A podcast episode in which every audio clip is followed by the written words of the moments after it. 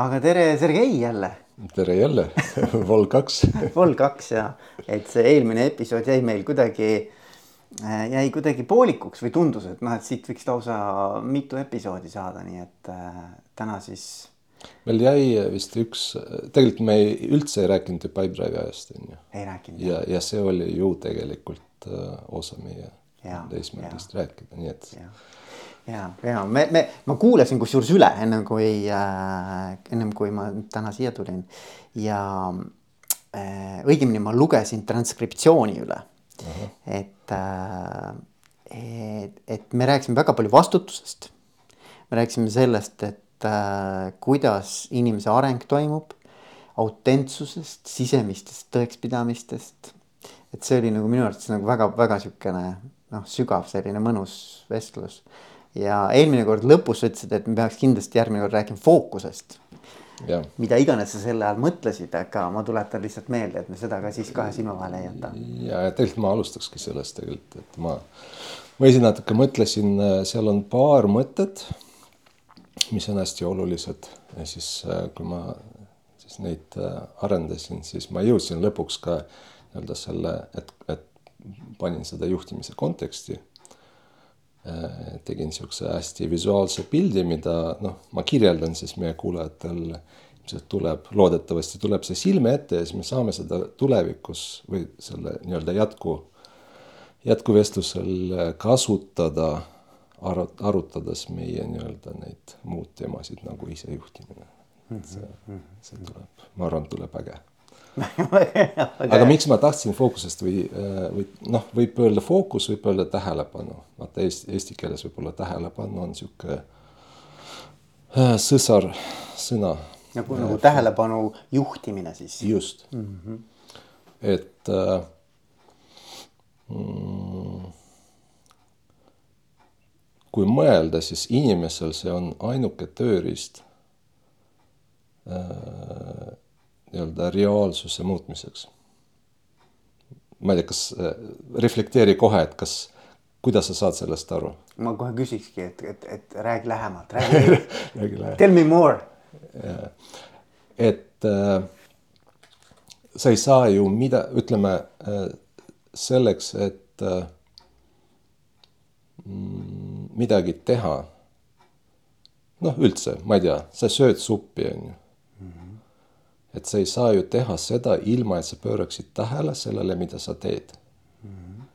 sest eh, noh, ilmselt oled eh, väikseid lapsi näinud, kes vaatavad kõrvalt multikat on ju ja siis eh, neil pudeneb asju igale poole, sest nad ei pööra tähelepanu sellele, mis nad tegelikult teevad ehk söövad on ju noh, supp, supi söömisel ma soovitaks ikkagi keskenduda sellele vaadata, kuhu see lusikas käib, on ju, muidu see käib igale poole, ainult mitte suu on ju.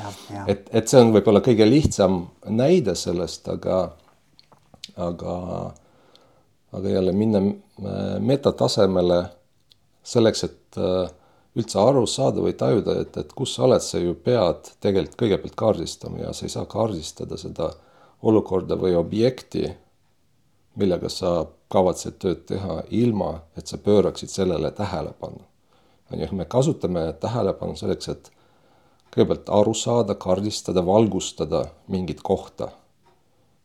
on ju, noh, elus, maailmas.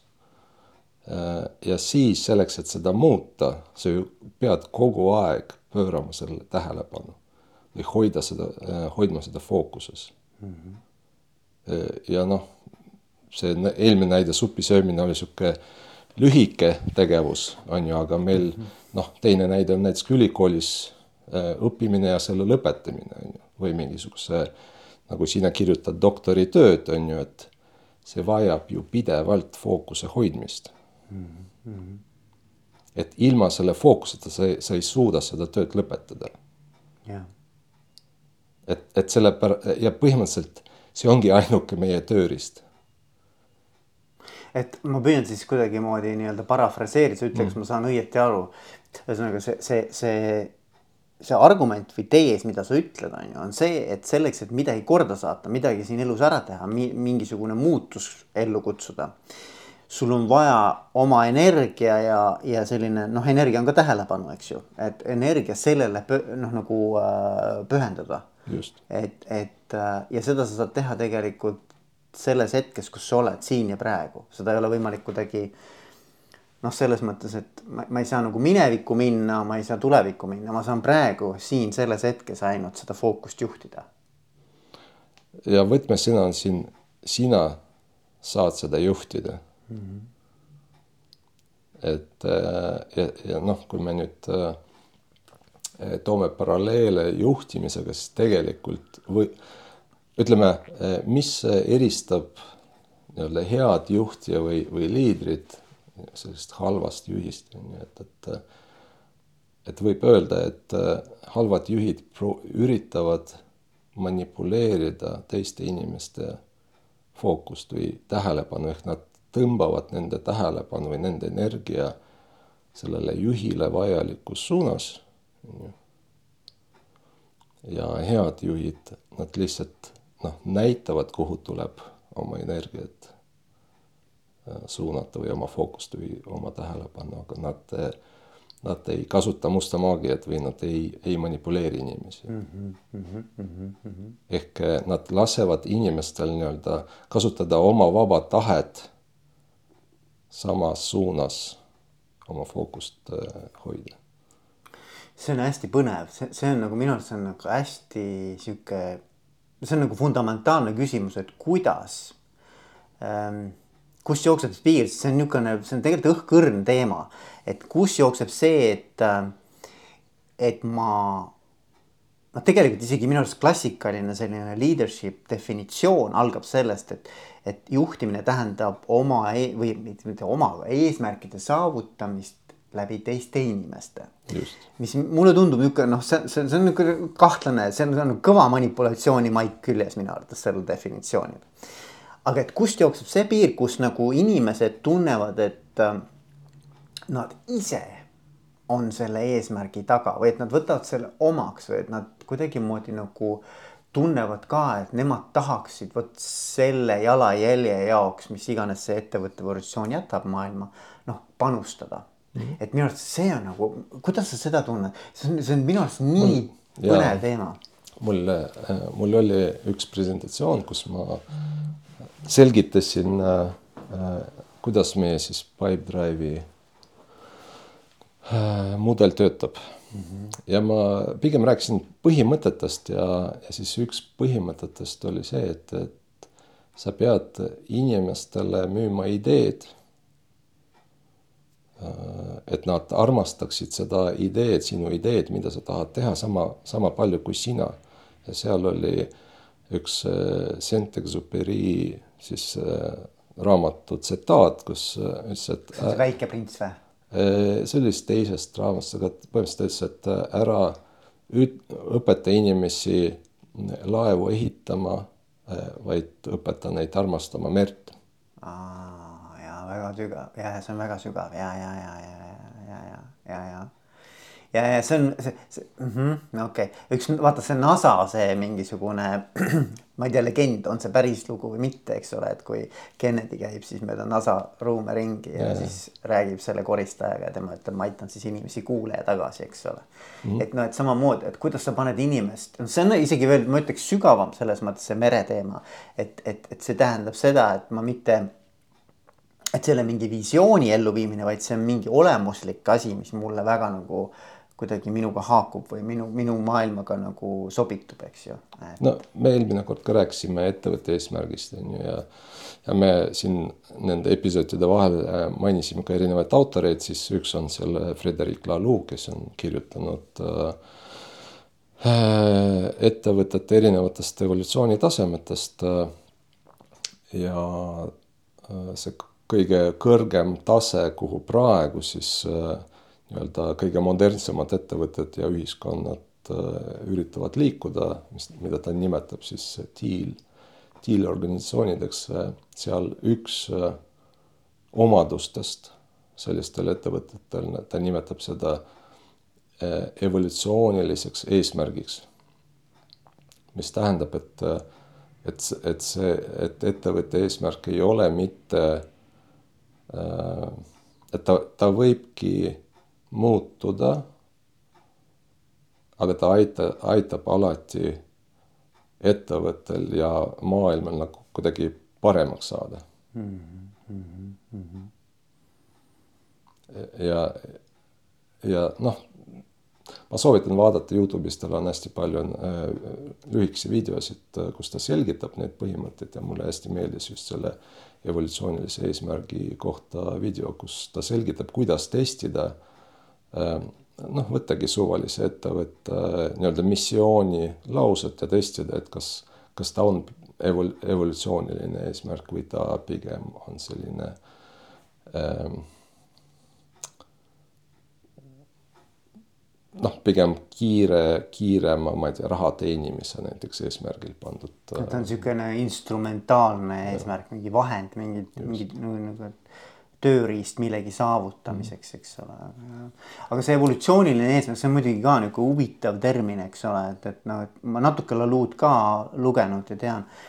et mulle tundub, et see on midagi sellist, mida keegi nagu ei kontrolli, sest vaata tavaliselt on niimoodi, et mida nagu eeldatakse, et juht paneb selle visiooni või noh, ütleme juhtkond mm -hmm. või keegi nii-öelda strateegiliselt, nii-öelda strateegilisel tasandil paneb selle visiooni paika ja siis kõik noh, ühel või teisel moel siis töötavad selle nimel.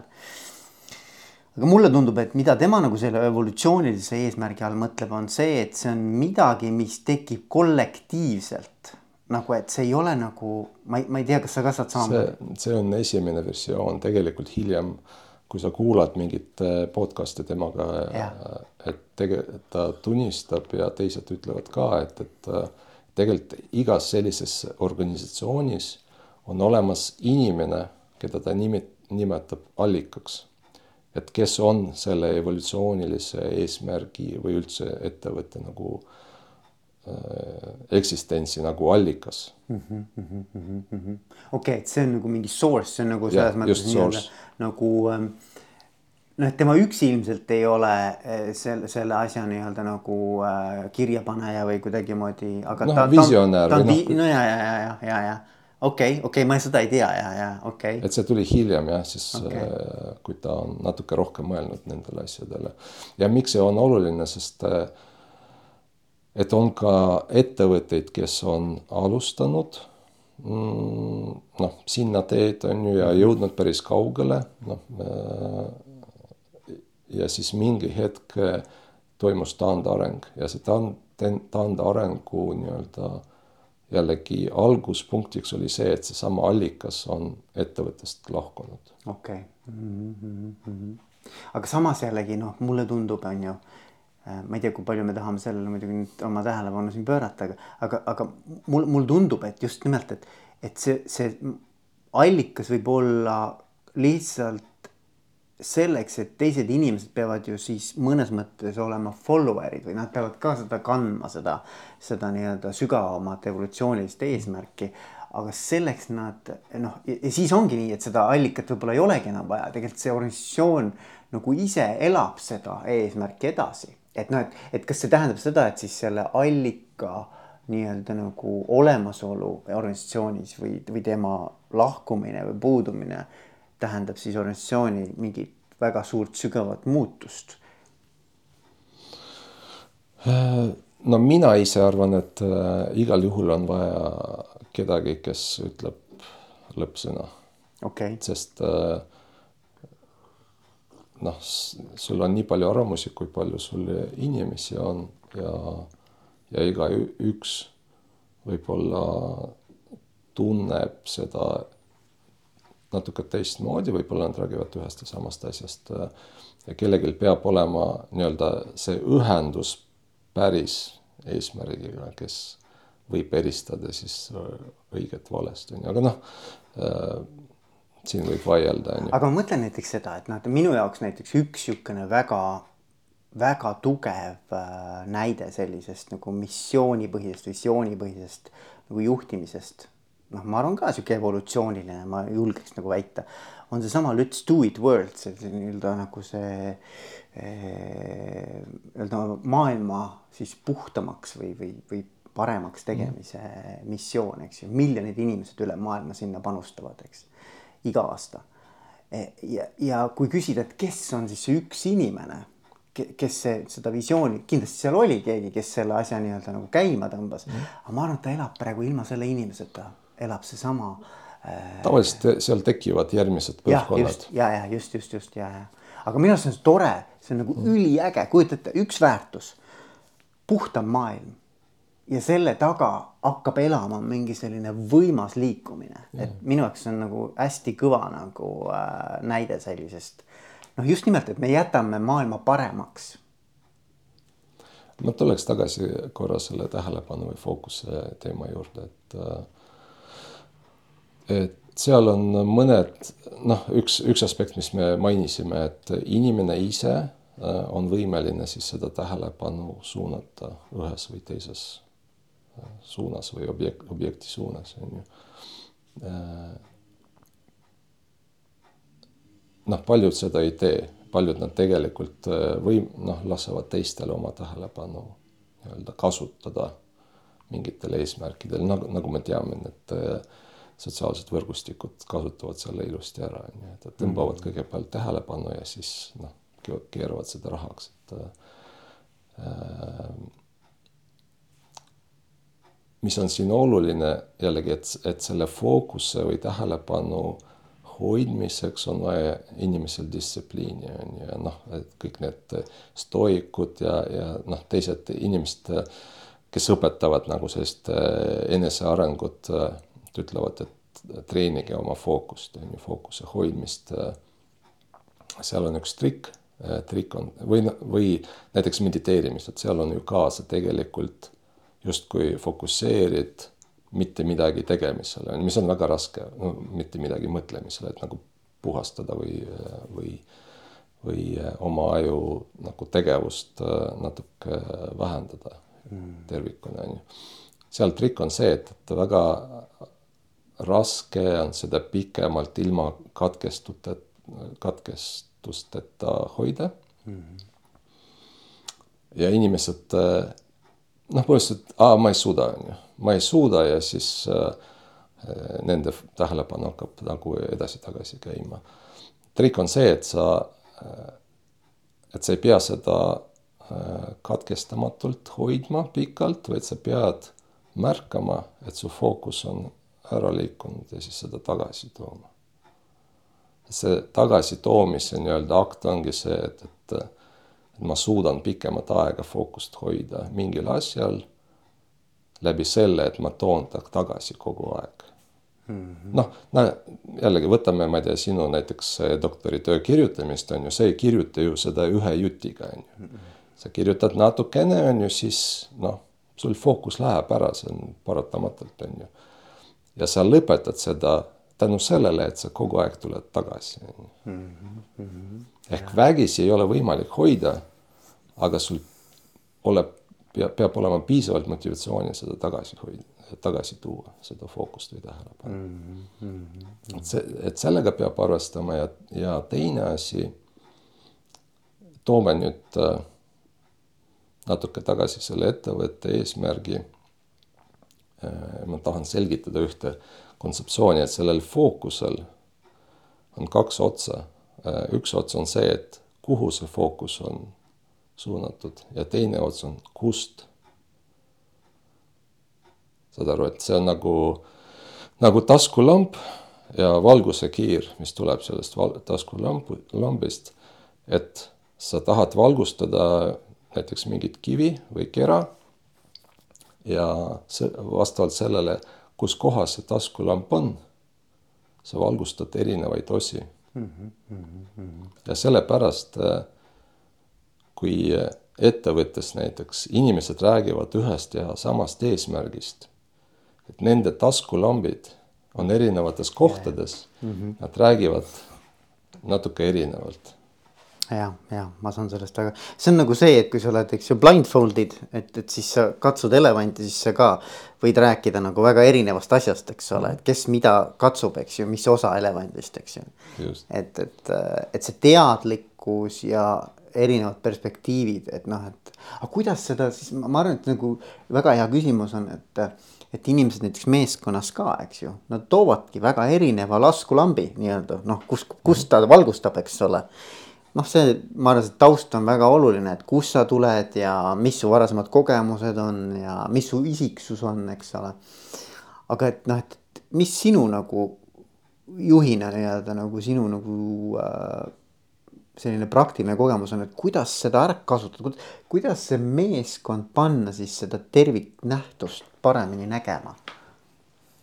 no ettevõttes äh, osa, osa asju juhtub läbi struktuuri või noh, me teame, et selleks, et äri toimiks, sul on vaja neid, neid, neid ja neid funktsioone on ju.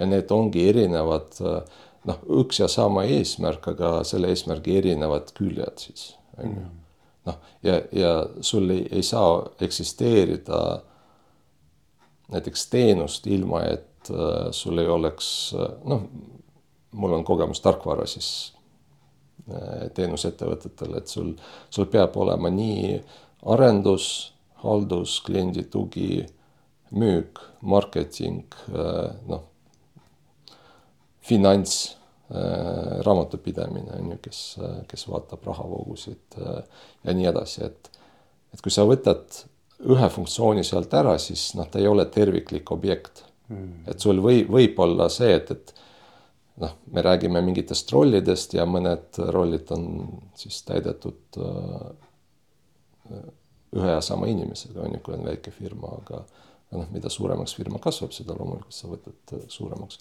aga see on niisugune hästi fun-, noh, funktsionaalselt nagu ja, ja. funktsionaalne pilt, aga ilma selleta nagu sa ei saa vaadata asjadele, aga siis äh, äh, noh, siis igas selles funktsioonis sul on ju ka erinevat moodi, sa saad ju neid asju teha, on ju. ja ja need, siia tulevad juba need isik, isiklikud su, suhestumised nagu selle nii-öelda eesmärgiga mm. -hmm. ma, ma ise, kui ma mõtlesin selle fookuse ja taskulambi ja valguskiire metafoori peale, siis äh, mul tuli selline pilt äh, ette, et kujuta ette selline pime, pime ruum, tume ruum on ju, nii nagu need laste õudukad äh, algavad mitte midagi, kott pime, ei ole mitte midagi näha. aga selles ruumis on siis mööda seinte on inimesed ehk ettevõtte töötajad ja keskel on selline kera või pall, kus, mis ongi ettevõtte eesmärk mm. -hmm. ja nüüd, äh, kui need inimesed hakkavad, panevad oma taskulambid põlema, siis ne, seda eesmärki siis hakatakse valgustama erinevatest äh, nurkadest on ju, ja kui sa vaatad ühes kohas, siis sa näed ainult ühe külge, vaatad teisest küljest, siis sa näed teist külge. ja nüüd küsimus on see, et, et kus on juht ja mis ta teeb. no just, ah see, vot see ongi see ja see on hea küsimus. Et mis ta teeb, mis ta, mis ta ülesanne on, noh, minu silmis on see, et tema ülesanne noh, oletame äh, on selle palli või kera ühtlane valgustamine. et valgus oleks ühtlaselt noh, et, et kõik funktsioonid töötaksid nii-öelda hästi mm. -hmm. ja mis juhtub, kui noh, kõigepealt ta peab kontrollima, on ju, ta, ta peab kogu aeg nagu vaatama, et, et igal pool oleks nagu ühtlane valgus, kui kuskil valgus on ebaühtlane, siis ta peab minema ja vaatama, et mis, mis seal juhtus, et kas inimene siis noh, keeras oma taskulampi kuskile mujale või, või ei tee oma tööd korralikult, on ju, ei hoia taskulampi normaalselt. Äh, mis tal juhtus, kas motivatsioon kadus ära või ta on haige või mis iganes, on ju, et äh, küsimus on see, et, et kui ta lahendas selle probleemi, tuleb tagasi, vaatab teises kohas on, on paigast ära, on ju, et, et et siin on see, et, et et mida suurem ettevõte, mida suurem see saal, mida rohkem seal inimesi, seda vähem ju võimalus sellel äh, juhil iseseisvalt sekkuda ja parandada seda mm -hmm. olukorda mm. -hmm. ja, ja pealegi, Sergei, see eeldab seda, et juht nagu teaks siis mis asi see on, mida nad valgustavad. Kui ta oskab öelda, et, et see päris hästi ei valgusta. et nagu, et seal on eeldus sees, eks ole, mis on juba iseenesest ka nagu väga keeruline eeldus, et, et tegelikult juht ju näeb ka seda, mida teised valgustavad ja noh võib-olla tal on prožektor endal, eks ole, ma ei tea, eks. võib-olla tal on natukene nagu suurem see, see nii-öelda see no,. tal, tal peab olema mingi taju ja et, et kuidas see peab tegelikult välja no nägema. Noh, minu jaoks alati on küsimus on see, et, et, et kui ettevõte kasvab ja mida suuremaks ta muutub, et, et et kuidas ja nüüd me tuleme juba selle Pipedrive'i nii-öelda nii-öelda aega on ju, et et kuidas teha nii, et, et, et ühelt poolt mina kui juht, suur juht ja juhendaja ei tööta ennast üle segaseks, on ju, sest ma ei saa, ma ei suuda kõike kontrollida, on ju. Äh, kuidas teha nii, et, et ma siiski tean, mis toimub ettevõttes, noh, tajun su suures osas ja kuidas teha nii, et et ette, et minu osakond, vaata, mul ei olnud kogu ettevõte, mul oli ainult inseneeringu osakond, et kuidas teha nii, et kui, et minu osakond ei ole ettevõtte kasvule pudelikaelaks mm. -hmm. ja kuna Pipedrive oli edukas ettevõte ja me kasvasime päris mitu aastat, noh, põhimõtteliselt duubeldasime nii oma nii-öelda raha, rahavoogusid, klientide arvu kui ka töötajate arvu mm. -hmm. väga, väga vähesed inimesed saavad aru, mis seda duubeldamine tähendab. duubeldamine tähendab, et sa ühe aasta jooksul kasvad sama palju kui kõikide eelmiste aastate jooksul kokku. et kui, kui su ettevõte on kaheksa aastat vana ja ta on aasta jooksul on duubeldanud näiteks äh, ma ei tea, oma rahavoogut või rahavoogu või töötajate arvu, see tähendab, et ta ühes aastas palkas sama palju inimesi, kui ta palkas eelmise kaheksa aasta jooksul kokku. Noh, et, et, et sel-, et kui, kui sa sellisest perspektiivist saad aru, saad aru, et, et et orgaaniline kasv, mis on võim-, noh, et, et, et sul ei ole aega orgaan-, noh, et orgaaniline kasv, mis eeldab sellist äh, ähm, järjepidevat nagu planeerimist, noh, et ta li siin lihtsalt ei tööta. Et see on selline eksponentsiaalne. eksponentsiaalne kasv ja mm, -hmm. ja kui jällegi vaadata meie maailma, siis ainuke näide maailmast, kus selline asi töötab hästi, on äh, noh, elu organismide kasv on ju, kus sul need rakud duubelduvad, duubelduvad. Mm. -hmm. ja kuidas see võimalik on läbi äh, frakta-, noh, nii-öelda fraktaalstruktuuri mm. Et sul äh, ühe struktuuri sees peab noh, et sa põhimõtteliselt kopeerid struktuure. ja nad on ise, suhteliselt iseseisvad. suhteliselt iseseisvad mm -hmm. ja nad istuvad mingisuguse üldise raamistiku peal, mis omakorda mida omakorda võib duubeldada. või kopeerida. et, et, et see oli üks selline põhimõte, noh, mis, mida ma kasutasin. Äh, aga see on hästi holakraatiline lähenemine ka. Ja, ja, ja, ja, ja. aga räägi sellest, ma, ma arvan, et see on nagu kihvt selles mõttes, et noh, et kuidas sa sa ütlesid, et, et noh, üks teema, mida me võiksime sinuga käsitleda, on nagu Pipedrive'i selline nii-öelda nagu äh, juhtimuslik ülesehitus. noh, siis engineering'u kontekstis ilmselt, eks ole aga räägi natuke sellest, kuidas, kuidas see, kuidas see protsess nagu siis toimus, kaua sa üldse olid Pipedrive'is? Kaheksa pluss aastat, täpselt ei mäleta, kaks tuhat kolmteist äh, ma läksin sinna ja siis kaks tuhat kakskümmend üks või? Mm -hmm. oli eelmine, kakskümmend kaks siis lahkusin. kaheksa poole aastat, no kaheksa poole aastaga äh, alustasite ilmselt siis, kui olite suhteliselt väiksed ja siis no ma tulin äh, jah, Pipedrive oli kakskümmend töötajat. Mm,. just, ja, ja, ja. ja arendajaid äh, või inseneere oli kümme. ja nagu ma mainisin, et me duubeldasime, duubeldasime viis aastat järjest ehk järgmine aasta oli kakskümmend, siis oli nelikümmend, siis oli kaheksakümmend. sada kuuskümmend, et seal natuke asi hakkas aeglustuma äh,. aga alguses me kasutasime noh, kõik need agiilsed praktikad, mis tänapäeval kasutatakse, on ju, et, et me üritasime hoida tiimid sellised äh, nagu kahe pitsa tiimideks on ju, kaheksa inimest umbes äh, äh tiimid ja siis nad tegelesid, igaüks tegeles oma valdkonnaga, et, et mõte oli, et nad on sõltumatu üksteisest, et äh, me saa-, suudame nii palju projekte paralleelselt siis teha, kui palju meil tiime on mm. -hmm. ja siis iga tiim ka vastutas äh, kõige selle eest, mis nad on oma nii-öelda elu jooksul äh, kokku kirjutanud, on ju, et, et, et see vastutuse põhimõte nagu eelmisest ja, meie jutust ja oli hästi oluline, et vähendada ähm, sellist üleandmise nagu ähm, noh, inglise keeles overhead'i äh,. kulu mingisugust. noh, kulu ja et kus sul, kus sul on mitu erinevat inimest nagu äh, haldavad tarkvara erinevaid elutsükli, tsükle, siis äh, sul seal üleminekutel, üleminekud peavad hästi formaalsed olema ja ja siis seal tekib see ülekulu sisuliselt mm. -hmm. ja see on kogu DevOpsi liikumine on, on selle tõttu tegelikult on tekkinud, et võimalikult kiiresti ja ilma suure ülekuluta nagu arendada ja hallata seda tarkvara. Ja, ja me kasvasime hetkeni, kus meil oli, ma täpselt ei mäleta, kas kakskümmend või kakskümmend neli tiimi.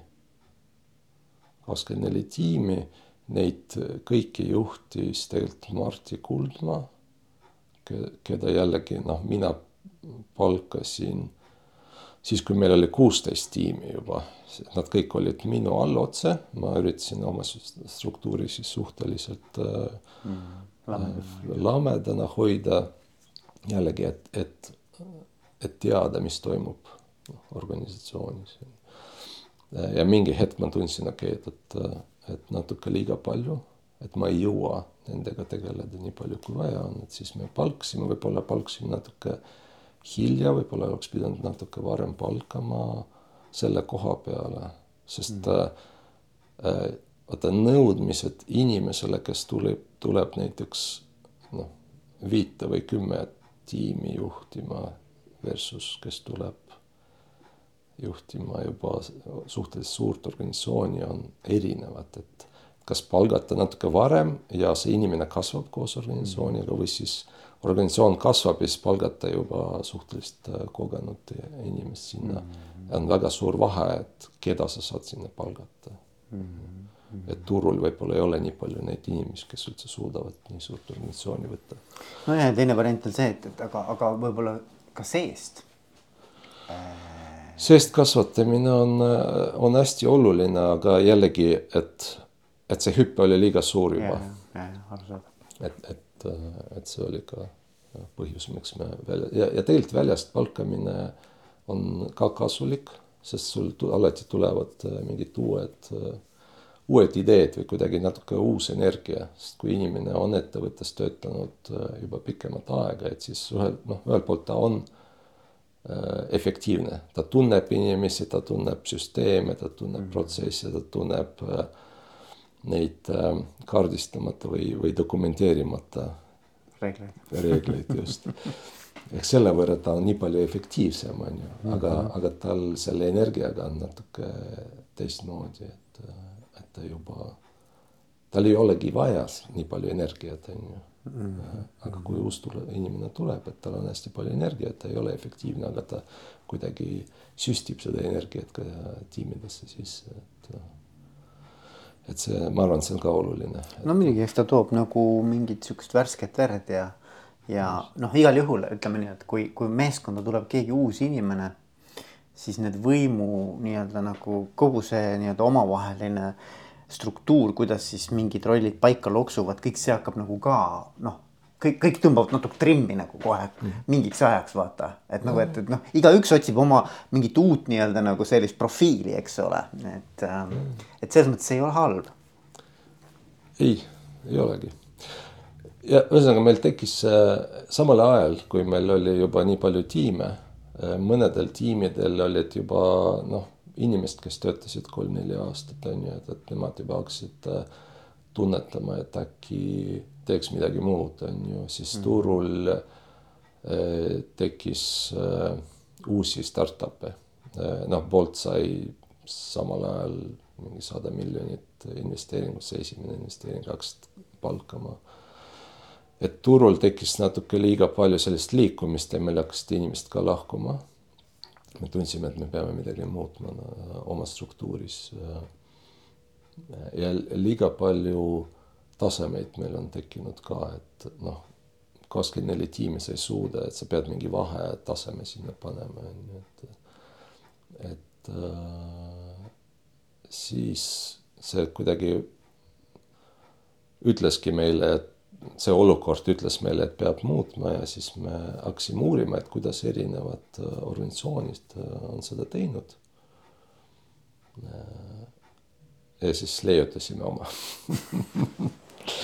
aga noh, inspireerituna ütleme erinevatest. Ja üks inspiratsiooniallikas tegelikult on olnud Nokial on selline, oli osakond, mitte osakond, ettevõte Here Maps, et nad tegelesid siis äh, kaartide äh, navigatsiooniäpiga sisuliselt mm -hmm.. siiamaani muide äh, soovitan, töötab väga hästi okay.. et äh, nendel oli selline mudel, et, et tiimid võtsid arendusse projektid. ühesõnaga, tiimid ise valisid endale projekte, millega tegeleda. et see tundus kuidagi nii, nii õige mõte, et et mitte ei ülevalt öelda, äh, millega tiimid peavad tegelema, vaid äh, tiimid ise nii-öelda jalgadega hääletavad, milliseid projekte peab tegema mm. -hmm. ja, ja siis meil jällegi selle fookuse mõttes oli hästi oluline, et need inimesed, kes võtavad mingi uue projekti arendusse, et nad tegelevad ainult selle projektiga. et nad ei tegele muu nii-öelda haldus Äh, ülesannetega, kuigi see on osa nende vastutusest, et meil oli vaja kuidagi see lahendada, et äh, kuidas võimaldada inimestel nagu seda fookuse hoidmist mm. -hmm. ja siis meil tekkiski selline struktuur, kus äh, äh, tiimid muutusid natuke suuremaks, et äh, võimaldada sellist äh, liikumist tiimi sees et erinevate rollide võtmist erinevatel aegadel, muidu kõik olid arendajad ja kõik pidid tegema nii uut arendust kui ka vigade parandamist kui ka nii-öelda tarkvara haldamist ja nii edasi, ju, et, et siis me üritasime äh, need ajas nii-öelda äh, lahku lüüa. Äh, et suurem, natuke suuremad tiimid, ütleme kaks, viisteist, kakskümmend inimest tiimis. Nendel on oma vastutusvaldkond, mille arenduse ja haldamisega nad tegelevad. selle valdkonna sees tiimi töö siis jagunes äh, nii-öelda halduseks ja haldusega tegelesid kõik need inimesed, kes ei tegelenud uute projektidega. põhimõtteliselt äh, arendaja võis olla kas äh, uue projekti peal, muide me nimetasime neid missioonideks, jällegi noh, oli vahest on kasulik kasutada selliseid äh, oma sõnavara on ju siis äh, meil projektid nimetas, nimetati missioonideks äh,.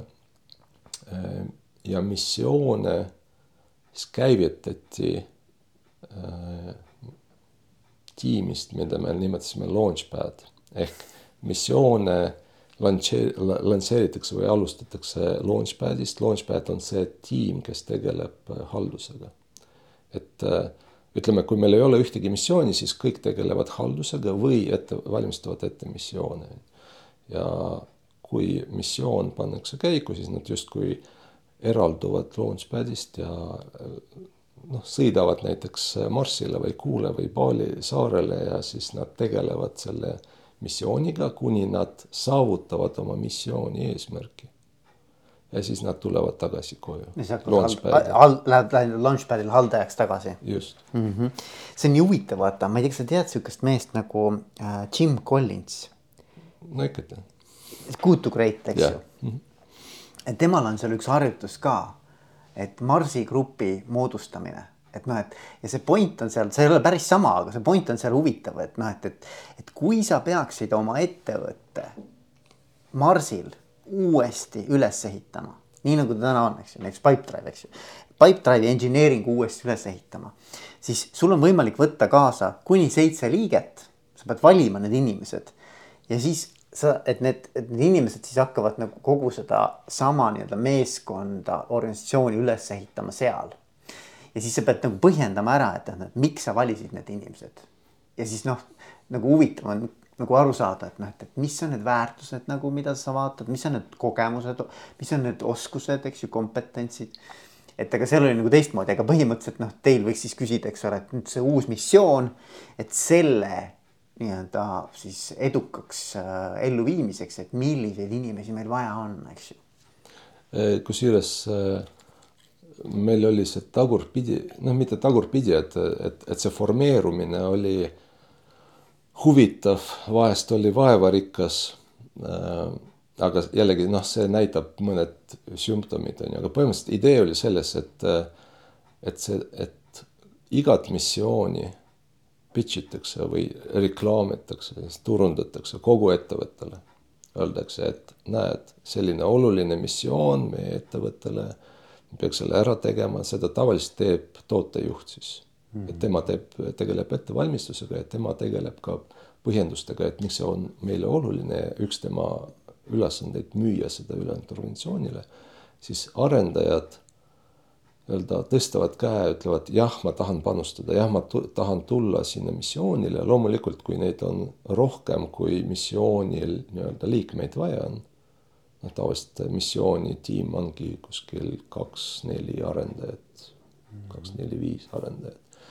et kui soovijaid on rohkem, siis no nende vahel jah, vastavalt oskustele äh, tuleb valida, seda teeb missioon, missiooniliit, kes on ka üks arendajatest.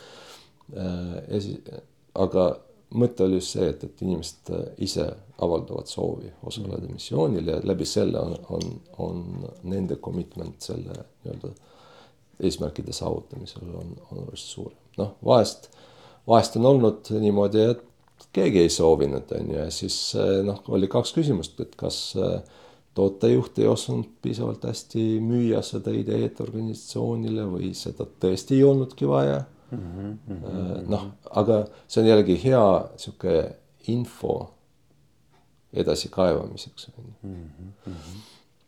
Äh, mis mulle meeldis selle mudeli juures, äh, mida tavalises nii-öelda tarkvaraarendusorganisatsioonis on väga raske saavutada, noh läbi higi ja vaeva saab, aga, aga meil kuidagi see tuli hästi loomulikult. mina teadsin täpselt, kui palju meil nii-öelda arenda, arendaja või äh, inseneeri ressurssi läheb haldamisele versus uute asjade tegemisele mm. -hmm. meil oli noh, eraldi süsteem, kus me rääkisime, kes äh,, kus hetkel on, kas ta on launchpad'il või missioonil ja siis põhimõtteliselt insenerpäev täpsusega me teadsime igal hetkel, kui palju meil ressurssi on haldus versus arendus ja noh, ühelt poolt see, seda on hea teada või noh, kasulik teada, et ma ütleks oluline. väga paljudele see oli suureks üllatuseks, kui palju tegelikult läheb halduse peale mm. -hmm. et hea, kui me saime nii-öelda selle alla viiekümne protsendi, see oli juba hea mm. -hmm. ja noh sellega lihtsalt peab arvestama ja väga paljud inimesed ei oska sellega arvestada, et et mida rohkem tarkvara sinu ettevõte toodab, seda rohkem tegelikult see vajab tähelepanu just halduse osas mm. -hmm. ja sellest ei pääse ja tegelikult kui Pipedrive sai müüdud siis äh, Vista äh, private equity'le ja nemad tegelevad ainult tarkvaraettevõtetega ja, ja see oli osa nende nii-öelda mm, noh, neil on sellised playbook'id, nad, kuidas siis tarkvaraettevõtteid juhtida, siis osa sellest playbook'ist oli täpselt see mõõtmine, et kui palju ja ka järgmiste aastate investeeringute planeerimine otsustamine, et et kui palju ettevõttes läheb siis halduse peale, kui läheb, kui palju läheb äh, uute arenduste peale, kui palju läheb noh, erinevate, ma ei tea kli,, klientide lepingute nagu täitmise peale, et, et seal oli kaheksa kategooriat ja selle järgi nad äh, põhimõtteliselt äh, otsus, otsustasid, kuidas need arendajate või inseneride aega nagu jaotada noh, mis jällegi kinnitab, et see on hästi oluline informatsioon ja, ja seda tavaliselt, tavalisest äh, organisatsioonist on väga raske äh, kätte saada. Mis veel mulle äh, hästi palju, hästi meeldib selle süsteemi puhul just selline dünaamilisus, kus inimesed saavad proovida ennast erinevates rollides mm, noh, mis need rollid on. lisaks tavalisele arendaja rollile on ju, kus ta kirjutab koodi. Äh, on olemas näiteks launchpad lead ehk see inimene, kes prioritiseerib halduse töid. Ja see on roteeruv roll ehk iga arendaja, et see ei ole lead või keegi, et, et äh, iga arendaja võib nii-öelda öelda, et ma tahan proovida seda tööd ja siis olla kas nädal, kaks, kolm olla launchpad lead mm. -hmm. Äh, täpselt samamoodi mission lead, et see on arendaja Äh, vahest meil on olnud täiesti väga noored nii-öelda, kes on alles liitunud, ütlevad, ma tahan proovida missiooni juhtida. Ja see on selline natuke projektijuhti, natuke nagu arhitekti, nagu inimeste juhtimine, aga, aga sellises piiratud äh, ajas mm. -hmm. ja nagu sa tead, need inimesed, kes nagu ei, ei ole veel juhi tööd teinud, on ju, nad tahaksid proovida. noh, et et neil tihti ei ole tagasiteed, et ütleme, et äh, inimene on ennast näidanud, teda siis pannakse mingi meeskonna juhiks. et ta selles samas ettevõttes tagasi arendajaks yeah. Äh, näiteks või tagasi spetsialistiks minna on hästi raske yeah.. kuigi noh, ma olen näinud, kuidas inimesed on seda teinud, aga aga ettevõtte jaoks on ka suur risk, et kui sellele noh, üks asi, et inimene ei suuda seda tööd teha, teine asi, et inimene suudab, aga talle ei meeldi see töö. Ja siis äh, selleks, et äh, nii-öelda tagasi minna oma lemmiktegevuse juurde, et tegelikult äh, lahkub ettevõttest, ettevõtte jaoks on suur probleem. ja, ja selle lii-, selle missiooni liidi rolliga me tegelikult andsime inimesele võimaluse proovida seda rolli enda peale ja siis, siis kui ei meeldi, siis ega sa ei pea nagu jätkama, sa võid ka ja. tavalise spetsialistina liituda järgmise missioonini. ja, ja see on jah, see on, ma, ma, mulle hästi meeldib ka see, et, et, et neid rolle on nagu mitmeid ja nagu sa ise ütlesid ka, et sa oled nagu arendaja, siis sa oled halduses, on ju. ja sul on väga erinevad projektid, eks ju, sa võid seal projekti sees ka erinevaid nii-öelda arendus nii-öelda nagu aspekte ju rollina käsitleda, eks ju, et et selles mõttes see on nagu sihukene võimalus ise otsida oma päris kohta, kus mul kõige paremini nagu tugevused avalduvad, eks ju.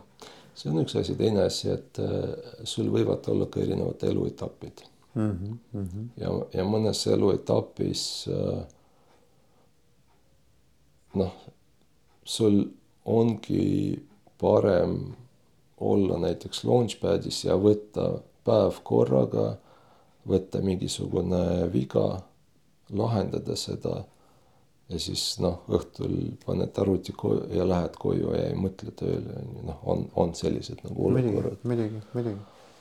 Äh, ja noh, kui, kui kodus on kõik korras ja sa tahadki hästi panustada, siis liitud missiooniga ja seal panustad koos tiimiliikmetega ja seal on ka see, et, et sul on erinevad inimesed, kellega sa koostööd teed, eks ju. erinevatel missioonidel on väga erinevad seltskonnad, kes sul satuvad ümberringi. ja no seal on üks äh, varjukülg ka, aga noh, natuke jah, selle positiivse poole pealt äh, me võimaldasime ka äh,, nimetasime tiimid tribe'ideks on ju, ja siis me võimaldasime cross tribe ehk üle mitme tiimi äh, nagu jooksvaid missioone okay.. Mm -hmm. et inimesed äh, erinevatest tiimidest on tulnud kokku, et äh, mingisugust eesmärki täita. mis, mis veel omakorda nagu aitas seda kultuuri kuidagi ühtlustada mm -hmm. üle kogu ettevõtte, muidu kus sul on sellised väga toredad sõltumatud tiimid on ju, igas tiimis tekib oma kultuur on ju mm. -hmm. ja noh, kus sa inimes, inimestele ei anna võimaluse liikuda nende vahel, et sul tekivadki subkultuurid on ju ja, ja noh, üks asi on siin noh, ütleme Eestis on ikkagi noh, enam ja samas majas on ju, et, et ikka inimesed räägivad, aga sul on veel äh, meil olid kontorid ju Lissabonis ja Prahas.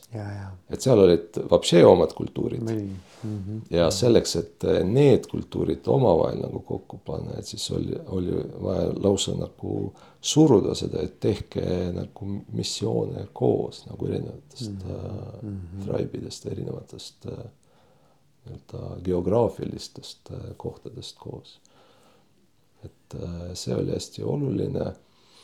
Vari, varjukülg äh, selle ju, juures on see, et, et iga kord, kus sul tulevad uued inimesed kokku, isegi kui nad tunnevad üksteist, isegi kui nad on samast tiimist, aga nad ei ole koos selles kombinatsioonis töötanud mm. -hmm. sul kulub mingi aeg nende nii-öelda selle grupi koos äh, toimimise äh, nagu paikapanemisel. et ta loksuks paika. loksuks paika, et inimesed saaksid aru, et kuidas äh, keegi toimib. et see võtab aega, et, et see on see ebaefektiivsus, mis selle mudeli juures on, et sellega peab arvestama. mina isiklikult usun, et seda saab kiirendada, kui jällegi panna mingisugust formaals-, natuke formaalsemat äh, mingid tseremooniad, et mm. kuidas selle missiooni käivitamisel siis see tiim noh, paneb ennast kokku mm. -hmm. ja see on, see on hästi kihvt selles mõttes, et see näiteks holakraatias on kohe olemas selline nagu, et äh, niisugune nagu uh, relational agreements mm. -hmm mis tähendabki põhimõtteliselt seda, et meil on mingid koostööreeglid või koostöö niisugused nagu kokkulepped, mängureeglid et kuidas me siin tiimis, noh, üks asi on see, et millega me tegeleme, see fookus nii-öelda töö, eks ju. aga teine on see, et kuidas me siin üksteisega suhtleme ja mismoodi me nagu toimetame. ja seal on veel see, et igalühel on ju oma mingisugune eelistus, mõni eelistab, eks ole, et tema tahab väga hommikuti midagi teha, eks ole, mõni tahab näiteks kommunikatsiooni mõttes alati näost näkku rääkida, mõni tahab ainult nagu meili teel, eks ju. või Slackis või kus iganes, eks, et noh, et et sellised asjad nagu oleks nagu lihtsalt kõigile teada, et see on kohe lauale pandud, et sa ei õpi mitte nagu töö käigus seda, vaid sa kohe alguses räägid läbi. Et siis see, ma arvan, on ka sihuke nagu kiirendab seda koostööd. ei loom-, loomulikult jah. aga ma ütlengi, et see peab natuke formaalsem olema kui see, et, et äh, noh, et tuleme kokku, hakkame tegema. ja, ja, ja, ja, ja, ja, ja, ja arusaadav. okei okay,, aga, aga siis ütleme sinu enda, ütleme juhina et kahekümnest kuni ma ei tea, kui suureks te siis lõpuks kasvasite, eks ju, kaheksa aastaga. Paidrais kokku oli vist üheksasada, kui ma lahkusin. Noh, siis ikkagi ütleme, see mitte tenfold, mitte twentyfold, aga mingisugune fortyfold. Mm.. et, äh, et mis sinuga toimus juhina? Nagu, et, et kuidas sina kogu selle protsessi käigus kasvasid? see on väga hea küsimus. No eks me kõik kasvame, on ju, ma arvan, et, äh, et mul oli äh, hästi palju asju tehtud äh, või no ma tegin intuitsiooni pealt mm. -hmm. et äh, tundus, et nii on õige ja ma arvan, et tegelikult see, see ongi äh, õige. või noh, et seda ei tohi karta sest äh, me, me nüüd hiljuti jälle reflekteerin, hiljuti kuulasin äh, hästi ägedat äh, noh, sihuke koolitus nii teadus kui ka teoloogia ja põhimõtteliselt kõik äh, avastused, mis on, on seoses teadusega, on siis tehtud. tegelikult nad tulid ju intuitsiooni pealt, et kuskilt tuli mõte sellel inimesel, kes avastas ühte või teist seadust. Et äkki on nii mm. -hmm. ja siis ta hakkas testima seda, proovima tõestada. ja nii oligi mm.. saad aru, et tegelikult kõik meie avastused, inimkonna avastused on tulnud intuitsiooni pealt ehk intuitsiooni ei tohi karta mm. -hmm. et äh, noh, seesama näiteks äh, äh, noh, missioonitraibide mudel, et me ju tegime seda, see tundus õige olevat ja alles hiljem ma avastasin seda Lalu raamatut, ma lugesin ja mõtlesin, et oota, et me ju oleme täpselt sedasama teinud või neid samu põhimõtteid kasutanud, et. Äh, et äh, ütleme. Kindlasti on olnud oma, oma raskeid momente ja võib-olla kõige raskem oli see jälle tuleme tagasi selle vastutuse juurde, kus äh, juhina sa saad aru, et sa ei saa neid samu liigutusi teha, mis sa tegid kümne või ma ei tea, kahekümne inimesega. Äh, noh, et kui kiiresti sa tegid neid äh, noh, et, et sa tegidki selleks, et proovida, kas töötab või ei tööta, et kui sul on kolmsada või nelisada inimest organisatsioonis, sa enam ei saa niimoodi teha mm. -hmm. et sa ei saa tulla kolmesaja inimese ette ja öelda, et aga proovime homsest teha nii, on ju, sest see, sa tekitad ainult segadust sellega. on ju. Ehk see nagu vastutus selle eest, et iga sinu liigutus tegelikult võimendub hästi, hästi. et see on nagu lainetus, eks ole. just, et see natuke kuidagi hoidis tagasi või noh, et, et äh, sa ju tahad äh, ikkagi muuta asju paremaks ja, ja paremaks ja paremaks, aga sa tunned mingi hetk, et et see on juba see rong, mis nagu liigub täiskiirusel ja kus sina teed natuke valeid liigutusi, siis ta võibki rööpastel maha minna, on ju, et ja. et äh, samas olles nii-öelda sellise alguses olles proaktiivse juhina hiljem istuda tagapingil ja vaadata on natuke raske mm. -hmm. aga, aga mis siis nagu ütleme, kuidas ütleme niimoodi, kujutame lihtsalt nagu situatsiooni ette, et sa oledki ma ei tea, neljasaja, viiesaja, kuuesaja, kaheksasaja inimese ees, eks ole. ja, ja kuidas sa siis mingisuguseid muutusi, mis sulle tunduvad õiged, kuidas sa nagu kuidas, kuidas sa nagu alustad või kuidas, kuidas, kuidas sa testid või kuidas sa siin nagu, kas sa leiad endale mingid liitlased kõigepealt, kas sa püüad kuidagimoodi nagu aru saada, testida kellegi peal või, või mismoodi see sinu jaoks nagu siis sellise suure noh, ikkagi Eesti mõistes suurettevõte, eks ole, suurettevõtte kontekstis nagu tegid, et?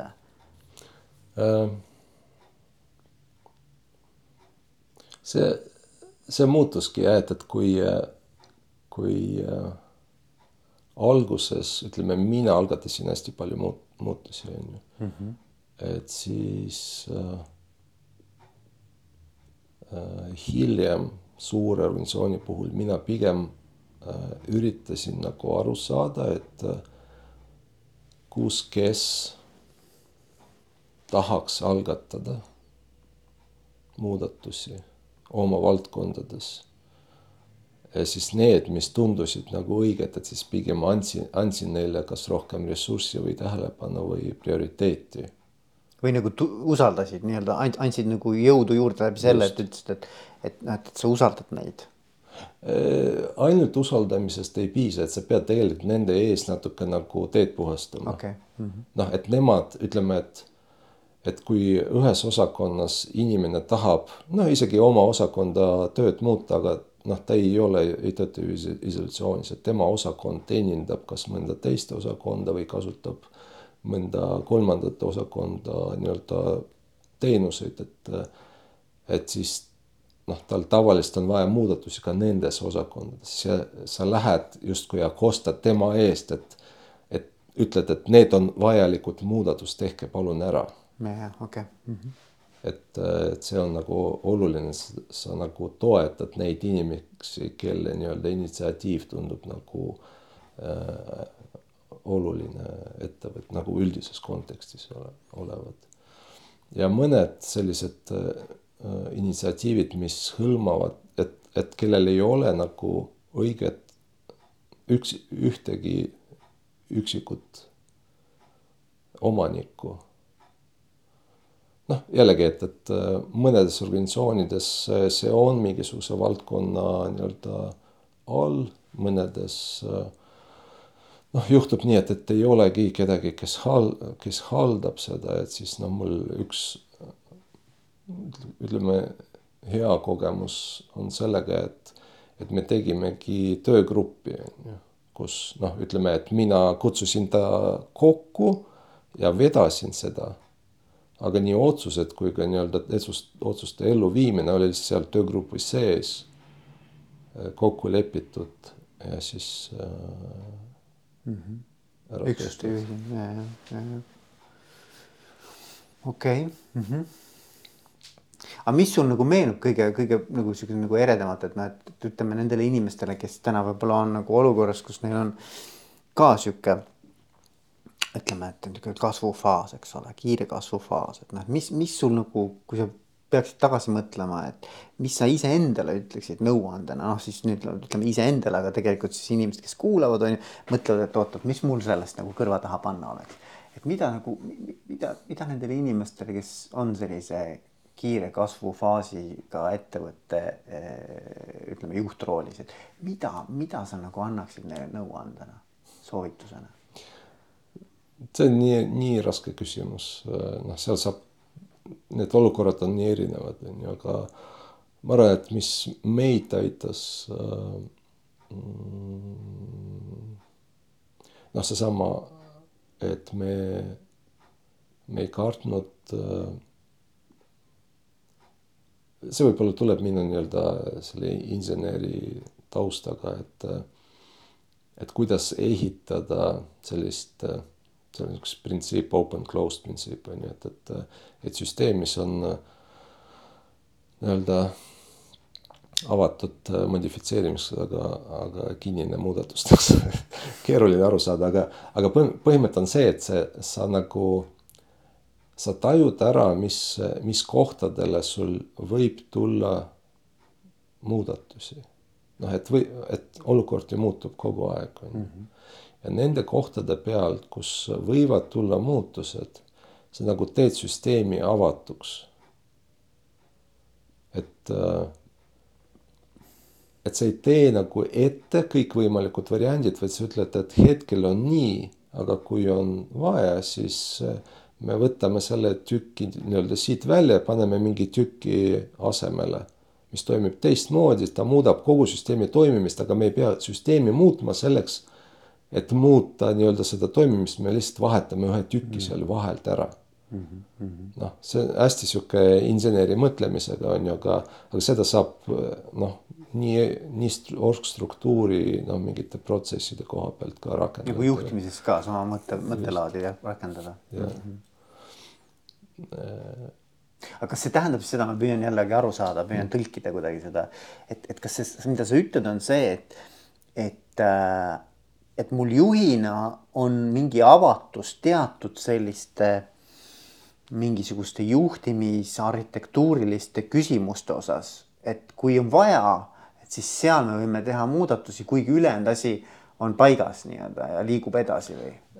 siin on lihtsalt oluline ära tajuda, kus see mm, nii-öelda, mis need äh, jooned, mis äh, nii-öelda eristavad neid osi mida võiks tervikuna välja vahetada. piiritleda nagu ära. just mm -hmm. ja, ja lihtsalt need, need piirid tuleb noh, natuke rohkem ära formaliseerida mm. -hmm. sest kui sa hakkad äh, see osa välja vahetama, siis tuleb uus osa selleks, et ta läheks paika, tal on vaja mingisugused üsna ja. konkreetsed piirid.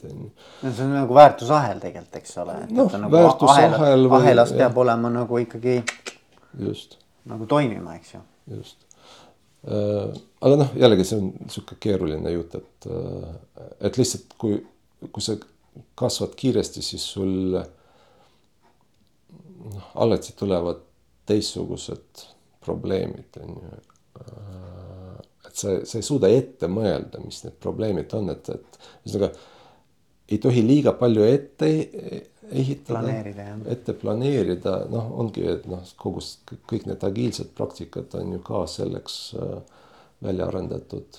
muide, agiilsete praktikate juures mul oli mingisugune me, mitte meta ah,, et väga paljud ei saa aru, mis see on, et nad arvavad, et see on nagu diskreetne selline tegevus, et start-stop on ju, et, et umbes teeme midagi, siis lõpetame tegevuse, vaatame, mis ümberringi toimub, on ju otsustame, kuhu edasi liigume ja siis liigume edasi, et tegelikult agiilsus, kui noh, kui sa mõtled, ma ei tea. Äh, noh, inimese liikumise kohta, kui öeldakse, et ta on noh, agiilne mm. -hmm. siis see tähendab, et ta suudab muuta suunda liikumise peal. Mitte seisma jäädes. mitte seisma jäädes mm. -hmm. no nagu jänes. kui sa pead seisma jääma selleks, et seda suunda muuta, siis sa ei ole agiilne mm. -hmm ma saan aru jah, ma saan aru, mis sa mõtled.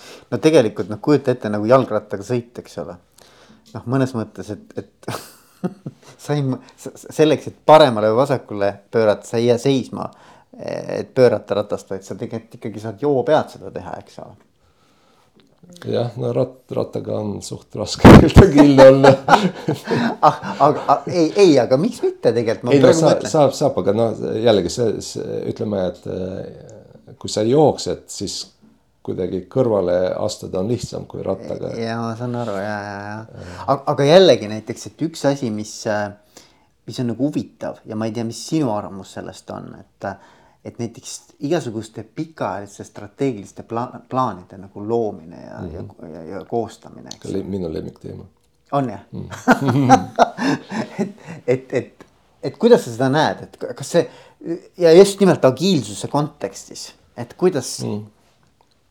no seal on äh, paar huvitavat mudelit, ma räägin võib-olla äh, seda mudel, ühesõnaga on selline tagurpidi planeerimise mudel on ju, et ütleme, et sa paned äh, mingisuguse hästi pikaajalise eesmärgi visiooni, et kus me tahaksime olla.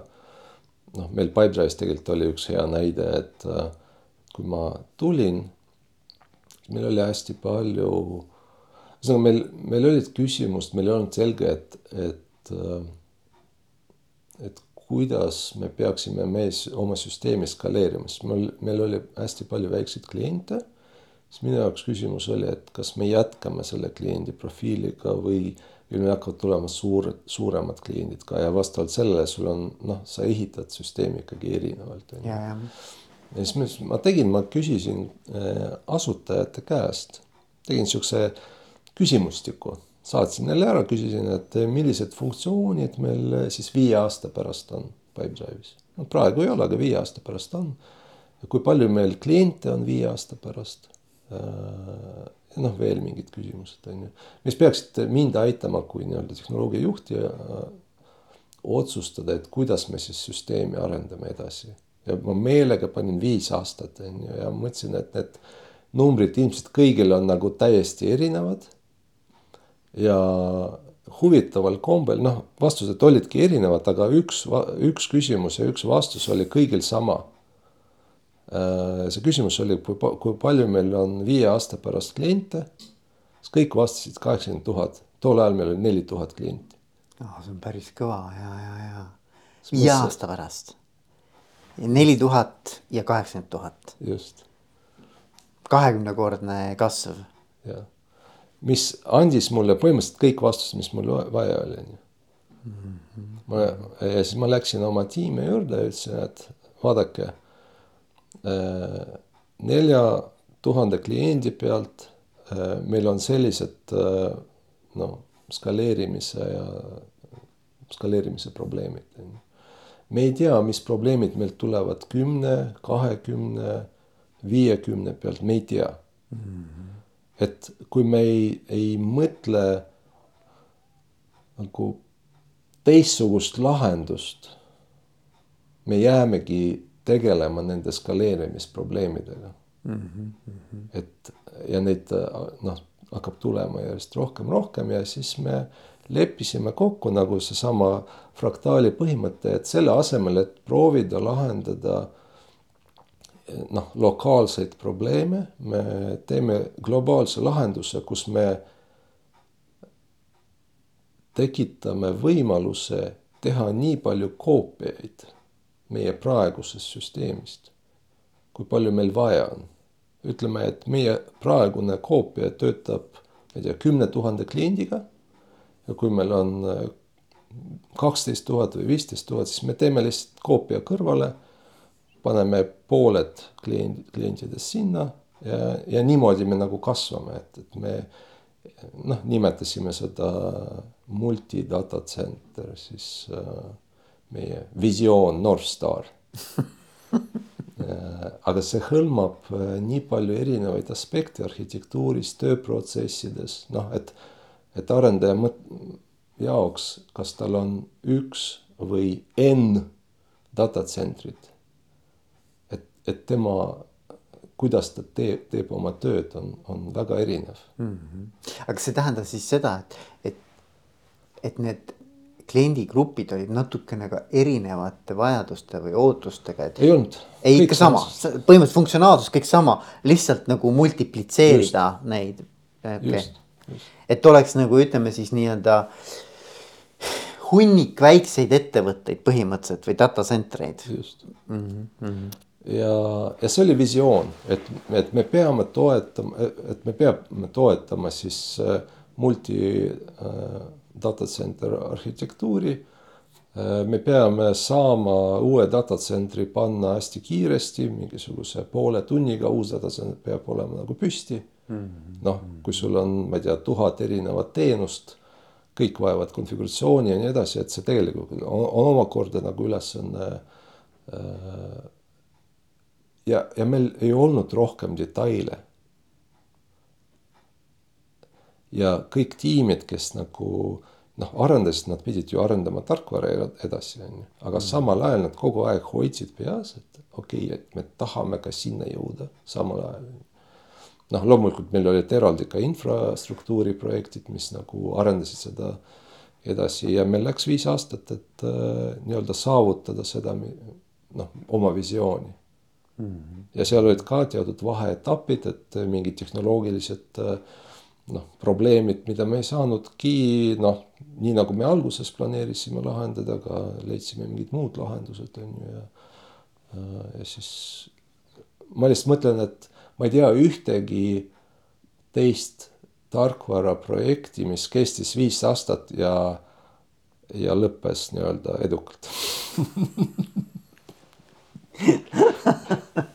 aga see oli tagurpidi planeerimine selles mõttes, et me, me lihtsalt kirjeldasime seda lõppseisu. ja, ja. ja siis hakkasime mõtlema, et okei okay,, et kuidas me siis sinna jõuame. ja, ja aga, aga isegi mitte teades, mis vahepealne teekond ette kaasa toob. täpselt, sest sa kunagi ei tea, mis mm -hmm. elu toob, on ju, et noh ja see, see ongi tegelikult, äh, kuidas strateegiat peaks tegema, et, et äh, et ettevõte peaks mõtlema hästi pikas perspektiivis, mis see lõppseis on, noh lõpp selles mõttes, et kas ta on kümme või siis viis aastat on ju, et, et milline see ettevõte on. täiesti kujutama ette. tuleviku nägemus. jah, et meie näiteks noh, meil on äh, kümne töötaja asemel on kakssada töötajat meil on, ma ei tea, meie kontor ei ole enam siin rendipind, vaid meil on, ma ei tea, oma maja kuskil selles kvartalis on ju juht võib täiesti nagu kujutada ette, et tema tuleb valge mersuga iga hommik ja pargib oma nimelisele parkimiskohale, on ju. kui siukseid asju ära kirjeldada, on ju, üsna nagu visuaalselt. ja siis mõtlema, et, et okei okay,, et mis need vaheetapid seal neid samamoodi kirjeldama sellise nagu tunnetuse peal, et kuidas see tun-, tu-, noh, et mida sa tunned inimesena töötades selles nii-öelda mm. firmas. Äh, noh, millised kliendid tal on, äh, kuidas need tööprotsessid käivad ja nii edasi. et juba sellest, sa juba hakkad sinna nagu liikuma. siin trikk on see, et ei tohi tegelikult endale need äh, väga ranged ajalised raamid panna. sest sa noh, jällegi sa kunagi ei tea, mis sul vahe, noh, sinna vahele tuleb, on ju. Mhm, mhm. aga kui sul on see nii-öelda visioon olemas, kuhu sa liigud, et siis sa jõuad sinna, et varem või hiljem mm. -hmm. ja see on jah huvitav ja ma, ma nagu just mõtlen, et nagu minu arust kõige põnevam osa on selle asja juures see, et, et seda ebamäärasust ja eba noh, teadmatust on nii palju tegelikult. noh, kõik, mis siin vahepeal juhtunud on, eks ole, noh keegi oleks ette kujutanud neid erinevaid, mis, mis siin maailmas juhtunud on, eks aga sa kuidagi ikkagi nagu hoiad seda nagu seda, nagu sa ütlesid, North Star, eks ole, põhja seda, seda visiooni või seda nii-öelda nagu äh, tulevikunägemust silme ees ja sa, sa navigeerid nagu mm. olenemata sellest, mis vahepeal toimub ümberringi, eks ole. Et sa kuidagi navigeerid sinnapoole, eks. jah sest noh, vaata lennuk ka, eks ole, ma mõtlen nagu, et lennukist lendab punktist A punkti B, et ta tegelikult kunagi ei lenda sirgelt kuigi võib-olla paberi peal paistab sirge. tegelikult ta ju kogu aeg, kogu aeg selle GPS-iga oma, oma seda eh, suunda korrigeerib kogu aeg, sest ta natuke jälle möödas, jälle korrigeerib, natuke jälle mööda, jälle korrigeerib, eks ole. et äh.... jah, no loomulikult vaata, kui sul on niisugune vaheetapp, mis on juba suhteliselt lähedal, noh, et, et selleks, et noh, jällegi peab aru saama, et, et sa mitte kuidagi ei jõua sinna, kui sa ei liigu sinnapooleni, ehk, ehk siis sul on vaja natuke rohkem ära kaardistada, et mis on need vajalikud sammud või nii-öelda ülesanded, mis peavad saama tehtud selleks, et jõuda sinna vaheetappi, et aga noh, see, see on juba rohkem natuke sihuke taktika, et, et mis taktikat ma kasutan selleks, et sinna punkti jõuda mm. -hmm. ja, ja no vot, siuksed põnevad, põnevad kogemused ja lood jah. mida veel Pipedrive'ist kõrva taha panna? Noh, võib-olla sellest Covidi ajast äh, jällegi ähm,.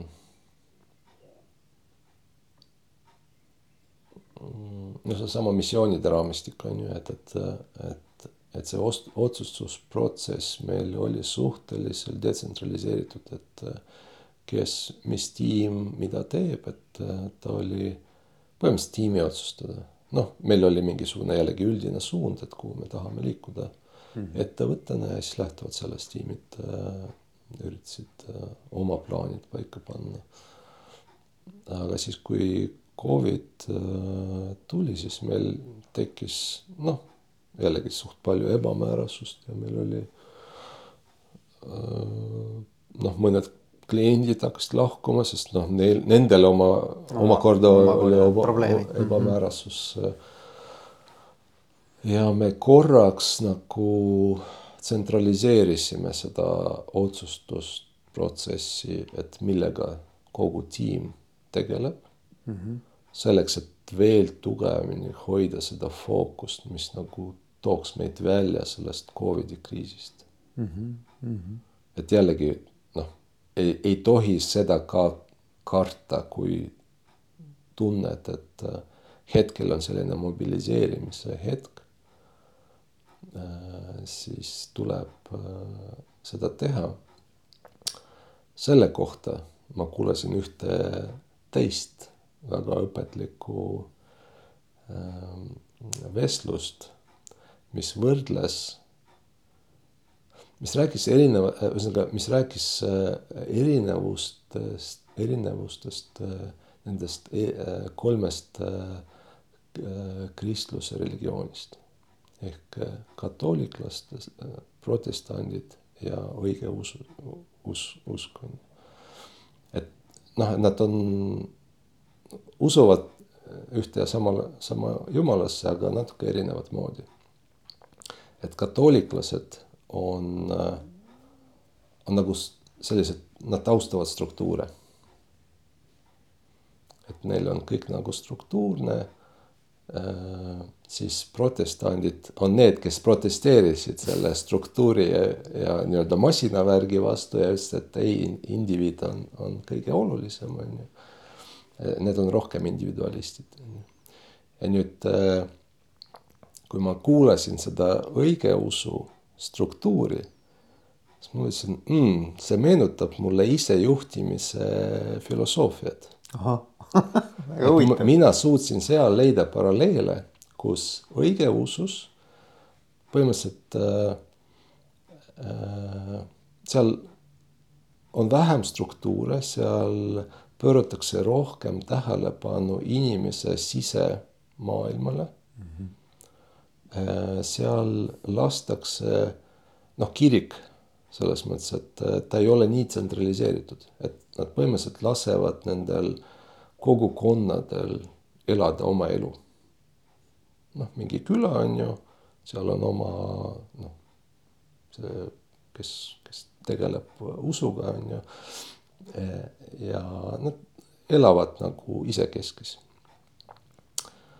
ja seal tekkis küsimus, et, et kui on sõda, on ju, noh, et, et kuidas erinevad nagu riigid, kus on erinevad need usud et kuidas nemad toimetavad, et põhimõtteliselt äh, õigeusu riigis see kuningas või, või see tsaar on see, kes võib öelda, et minu nimel nüüd kõik need eraldiseisvad külakesed, te peate kokku tulema, riigi eest nii-öelda võitlema ja siis, kui sõda on läbi, siis võite tagasi minna ja oma asjadega nagu tegeleda. et see natuke meenutas meil, mulle seda Covidi aega nagu Pipedrive'is, kus me põhimõtteliselt nagu juhtkond ütles, et et hea küll, teil olid omad plaanid, aga meil praegu on väike sõda, et meil on vaja need, need, need asjad ära teha. ja siis, kui need olid tehtud ja me saime tagasi nii-öelda kasvujoonele, et siis põhimõtteliselt lasti tiimidel tegeleda. see on jah huvitav, siis see on sarnane nagu, et, et ütleme, et kui, kui on taganttuul, eks ole. ja asjad lähevad hästi, eks ju. Et siis tegelikult ongi sihukest nagu detsentraliseerimist rohkem, eks ju, et noh, lastaksegi põhimõtteliselt rohkem nagu otsustusvabadust ja tegevusvabadust ja kõike nii-öelda laiali. ja siis, kui tegelikult ajad lähevad keerulisemaks ja võib-olla on torm, eks ole, ja noh, nagu ei täpselt aru ei saa, mis nüüd toimuma hakkab. et siis üha rohkem nagu tegelikult ettevõtted kipuvad ka rohkem tsentraliseerima nagu seda mm. otsustusõigust ja vabadust, et.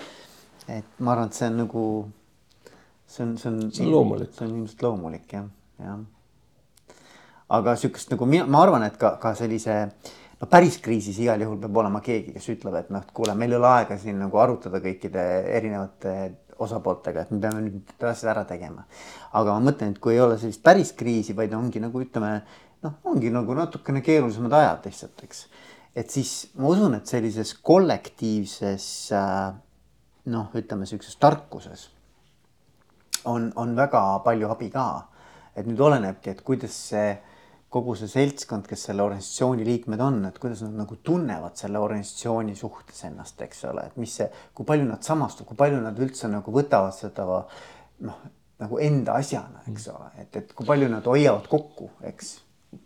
jah, noh, nüüd sa tuled või noh, kogu see sõjajutt tuletas mulle meelde, et tegelikult äh, see detsentraliseeritud juhtimine äh, tuli ju tegelikult USA sõjaväest kus nemad äh, leidsid, et äh, tegelikult tsentraliseeritud nii-öelda väe juhtimine on aeglane ja ei ole efektiivne, kui sul noh, käib nii-öelda võitlus mm -hmm. hetkel, et ja siis nemad hakkasid ju arendama neid äh, iseseisvaid skuade, skuade väikseid mm -hmm. nagu äh, tiime, kes suudavad iseseisvalt, küll mitte pikalt, aga suudavad nagu võidelda ja noh, minu mõte on see, et, et kui sul ei ole seda, siis sa, sa pead ju neid tiime treenima, et nad suudaksid sõja ajal ka mhm. iseseisvalt seal, et neile antakse ülesanne, et ega me Pipedrive'is ka ei öelnud täpselt, mida on vaja teha, me lihtsalt ütlesime, et meil on vaja need, need, need probleemid ära lahendada mm. -hmm. ja siis tiimid läksid ja lahendasid need ära mm. -hmm. et see treenimine on hästi oluline ja, tegelikult ja selle iseseisvuse, üleüldse nagu sihuke iseseisvuse tunnetamine ja sellest lähtuvalt ka tegutsemine. et see ei tule nagu iseenesest tegelikult, et see, ma noh, me eelmine kord rääkisime ka seda, et paljud kultuurid tegelikult pigem tingivad seda, et oodatakse konkreetseid nii-öelda ülesandeid, konkreetseid nagu spetsiifilisi task'e mm.. no et... me, me praegu ju näeme ka, kuidas äh, Ukraina ja Venemaa nagu vahel absoluutselt. ja, ja, ja, ja.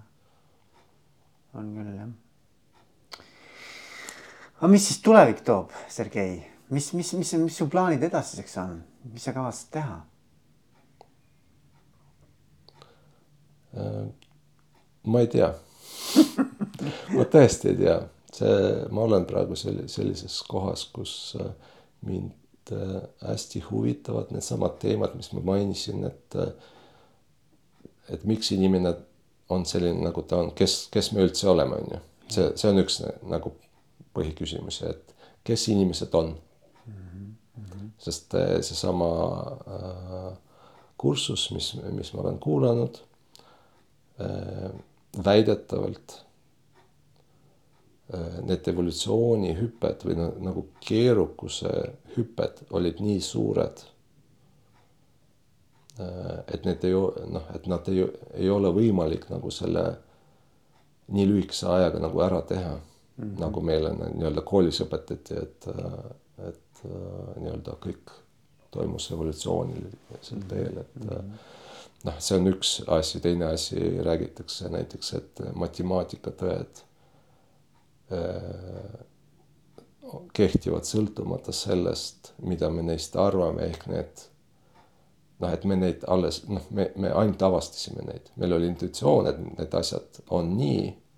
me neid avastasime, on ju, aga, nad toimivad sõltumata sellest või toimiksid sõltumata sellest, kas me oleks neid avastanud või mitte, on ju, mis jällegi tekitab küsimuse, et et miks ja, ja mi, kes, kes meie oleme, et me suutsime neid avastada mm. -hmm. selle kohta üldse äh, ka selline teooria, et need on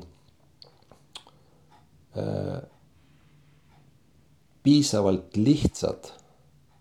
ühesõnaga, nad on keerulised, aga nad on piisavalt lihtsad, et me suudaksime neid avastada. ühesõnaga, kõik need küsimused on hästi, hästi nagu huvitavad minu jaoks praegu. et, äh, et mul on see kogemus nii-öelda ettevõtte juhtimisel, aga ma tunnen, et see huvi praegu on kuskil, kuskil mujal et äh, vaatame, kuhu see.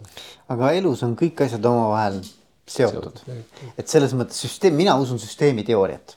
mina usun sellesse, vaata nagu ühendatud anumate süsteem, eks ole.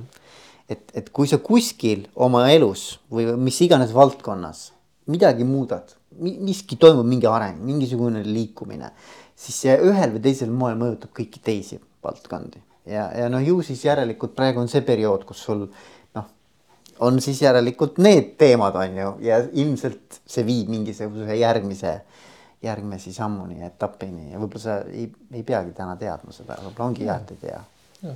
no va, praegu mulle meeldib nagu vestelda, nagu sinuga me vestleme, aga, aga ma vestlen ka paljude teiste inimestega mulle meeldib nagu inimestega rääkida ja nagu noh, kas panna neile mingit uut perspektiivi, kuidas mingitele probleemidele vaadata või siis nemad aitavad mind vaadata teistmoodi asjadele, et. et see ei kao kuhugi, aga jah, mingit täiskohaga tööd mul hetkel ei ole ja, ja ei teagi, kas, kas üldse tuleb miks mitte, noh, kõik ma, ma arvan, et mulle meeldib nagu mõelda niimoodi, et, et elu on nagu äh, nagu, nagu võimaluste maa, eks ole, et, et nagu, et ühelt, ühelt poolt nagu tuleb nagu me ütlesime, et tuleb fookust hoida, et midagi juhtuks elus, eks ju, et päris niisama, et noh, nagu kass hoiad suu lahti ja hiir jookseks suhu. noh, väga harva, eks ole, midagi pead ikkagi tegema selleks, pead ikka hiirt taga ajama, eks ju. aga, aga teiselt poolt mulle meeldib see mõte ka, et, et äh, et kui sa nagu usaldad elu, et siis elu tegelikult ise toob sulle ka mingisuguseid selliseid äh, võimalusi, mingisugused uksed avanevad, mida sa täna ei kujutagi üldse ette. et. ja, äh, ja nende muudatustega ongi nii, et, et, et nad kogunevad nii-öelda aeglaselt, noh, et need muutused vahest noh, et sa ei märka, et midagi on muutunud, on ju mm. -hmm aga siis nad võivad realiseeruda nagu kiire, hästi kiiresti mm -hmm. noh, et, et koguneb, koguneb, koguneb mingisugune kogus või potentsiaal. ja, ja, ja. ja siis mingi hetkel ta realiseerub ja. et, et see plahvatushetk on viimane nii-öelda noh, et, et palju asju juhtub ennem seda plahvatust, aga plahvatus käib kiiresti, eks ole.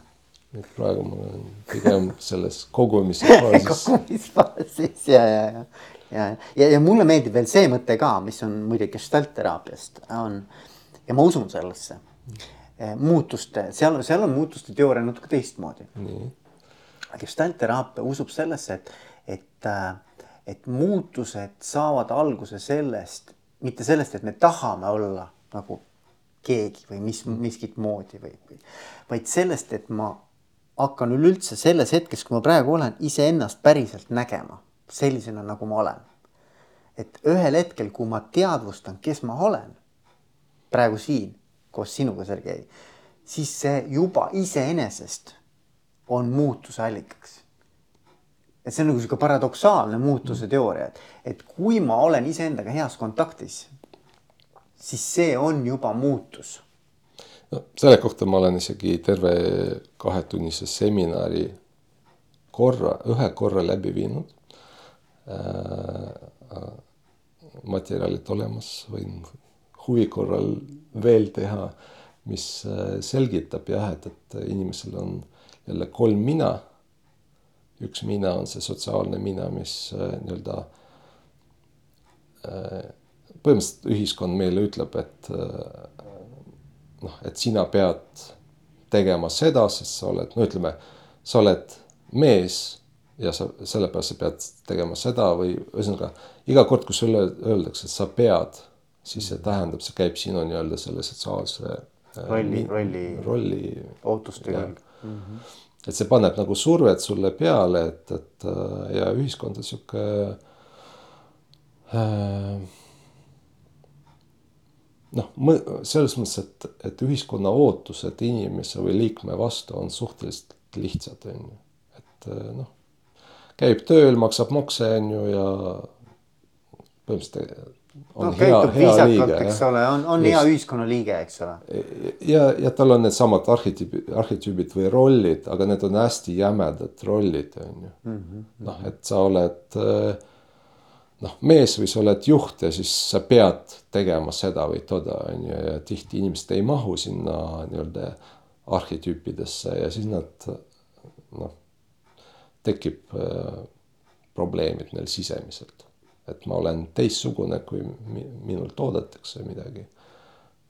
et mis ma nüüd, mis ma nüüd teen, on ju. Mm. siis teine on, on tegelikult ideaalne mina, mis, kus inimesed äh, iseendale tekitavad endast mingisuguse ideaalpildi, tavaliselt see tuleb noh, ka mingisuguse välismõjul, noh, mingi filmi kangelane on ju ja inimene mõtleb, oo, et ma tahaks selline olla.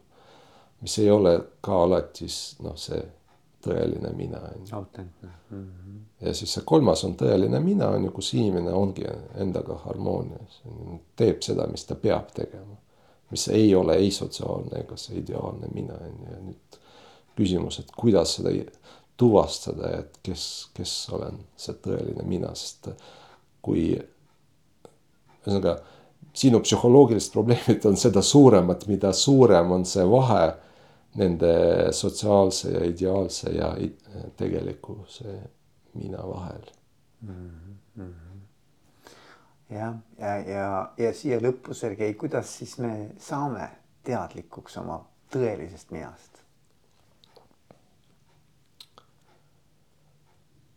No seesama soovitus, mis eelmine kord, et, äh, et kõik need sisemised otsused, mis sa teed. Äh, noh, sa pead ennast rohkem austama peale neid. et sa pead nagu selles mõttes, see on lakmuspaber või selline Just. nagu hea test nagu, et, et missugune on see sinu noh, nagu kooskõla sisemiste tõekspidamistega. aga ka seda ära tunda ei ole lihtne tegelikult mõnel inimesel. vaata, kui ta äh, nii võõrandunud on iseendast, siis, siis sul tegelikult puudub ka isegi nagu selline nagu, kuigi keha ei valeta, noh, põhimõtteliselt, kui sa oled heas kontaktis kasvõi kehaga, siis sa tunned nagu, see on nagu kehas annab tunda, et kas ma tunnen ebamugavalt ennast seda tehes või pärast või, või ma tunnen ennast hästi, on ju. aga, aga inimestel võib olla erinev nagu noh, nagu kontakt iseendaga ka et.... aga see, see ongi see, mida nii-öelda see ühiskond äh, teeb meiega, et põhimõtteliselt ta ei taha, et me oleksime enda, iseendaga kontaktis. sest siis, siis meid on väga raske tegelikult panna nendesse sotsiaalsetesse raamidesse, mis. ja siis sa oled natuke nagu kontrollimatu, eks ole. Sa, sa ei ole enam kontrollitav nii palju. ütleme, see, siis sa pead justkui vabatahtlikult sobituma, on ju, ühiskonda, kui ühiskond tahab kontrollida ja muide kontroll tavaliselt käib emotsioonide kaudu. selles, sellega peab ka arvestama jah, no ma ei tea, jah, igasugused süütunded ja häbi ja kõik siuksed asjad, eks ole. ja, ja, ja, ja see on nii sellisele tasemele viidud, et, et keegi isegi ei pea näpuga näitama, et sa ise hakkad ennast karistama enda sees, sulle installeeritakse peasse sihuke väike politseinik, kes kogu aeg kontrollib, et kas sa käitud nii, nagu ühiskond tahab või mitte ja kui sa ei käitu, isegi kui keegi ei näe, siis sa iseennast hakkad süüdistama, et et neid hetki jällegi noh, on võimalik enda sees ära tuvastada, kus sa hakkad nagu ennast süüdistama või häbistama. piitsutama jah. piitsutama, tuleb lihtsalt küsida, et, et, et kes see on, kas noh, et kas tõesti ma tunnen nii-öelda häbi või see on lihtsalt ühiskonna ootus minu vastu, mis nagu häbistab mind. jah, ja, ja, ja seda ei ole ka jah, ma arvan, et see vajab ka mingisugust äh, suurt enesereflektsiooni ja sellist nagu võimet, noh, meditatsioon, ma arvan, et on väga hea sinna juurde on ju mindfulness ja kõik need asjad. et äh, mis toetavad seda, et ma, ma, ma saan ennast, sest et vaata, väga keeruline sotsiaalsest keskkonnast ennast lahti rebida. ei nagu..., ei, ei peagi, ei peagi lihtsalt äh, noh, seda nimetatakse sisemine ausus. on ju, et sa sisemiselt pead iseendaga aus olema noh, sa võid teha, mida ühiskond tahab mm. -hmm. aga sa pead sisemiselt nagu teadvustama, et ma teen seda selleks, et olla ühiskonna liige. tegelikult ma seda ei taha. aga selleks, et sa üldse aru saaksid, et, et see on eri, erinev asi, sa pead olema, suutma ennast sellest, sellest nagu mõjusfäärist, noh, sa pead kõrvalt vaatama nagu ennast ja seda sotsiaalset keskkonda. vot see on see etapp, mis, milleni sa pead jõudma, on ju et see, see nii-öelda no, nagu. seal on jah, päris mitu ilmselt vahet aga, aga mulle meeldib see ja võib-olla see ongi sinu noh, nagu, nagu see, kus sa täna oled, eks ole, et. et noh, ma arvan, ka nende süsteemide paikapanemine iseenda ja, ja oma maailmas on, on tegelikult väga. no see on väga kõva juba tase nagu tegelikult ja nagu sa eelmine kord ka küsisid retooriliselt mu käest, et kui palju on neid inimesi maailmas, kes oma sellist peaülesannet või oma, oma sellist nii-öelda nagu juht äh,, ma ei tea siis eksistentsi juhtmõtet teavad ja seda, seda ellu viivad? no üldiselt jällegi äh, räägitakse, et äh, kuskil kaheksakümmend protsenti inimestest üldse ei tunnegi, et, et, et mingi probleem on, et, et nad lihtsalt nagu noh, elavad nii, nagu nad elavad. kulgevad kul,. no mitte ei kulge, aga, aga nad, neid see ei huvita ja, ja neil on oma elu ja omad probleemid ja ühesõnaga nad üldse ei mõtle sellele, on ju. ja kuskil noh, või ütleme kaheksakümmend on ju, kümme protsenti või viisteist protsenti on need, kes, kes tunnevad aga nad väldivad seda, saad aru, et nagu, et kui sul on mingisugune äh, probleem kuskil, ütleme, põlv valutab, siis su keha hakkab kompenseerima selleks, et ta ei valutaks, on ju, et siis need viisteist protsenti kompenseerivad seda nii-öelda ebamugavustunnet kuidagi teistmoodi, noh, hästi lihtne, kui inimene kardab äh, avalikku esinemist, on ju, siis ta teeb kõike, et ei peaks seda tegema yeah.. kuni selleni, et ma ei tea, ta jääb haigeks yeah., on ju kuigi ta ise ei teadvusta endale seda. ja siis äh, nüüd jääb viis protsenti ja sellest viiest protsendist võib-olla kolm äh, tunnevad ja et midagi on valesti.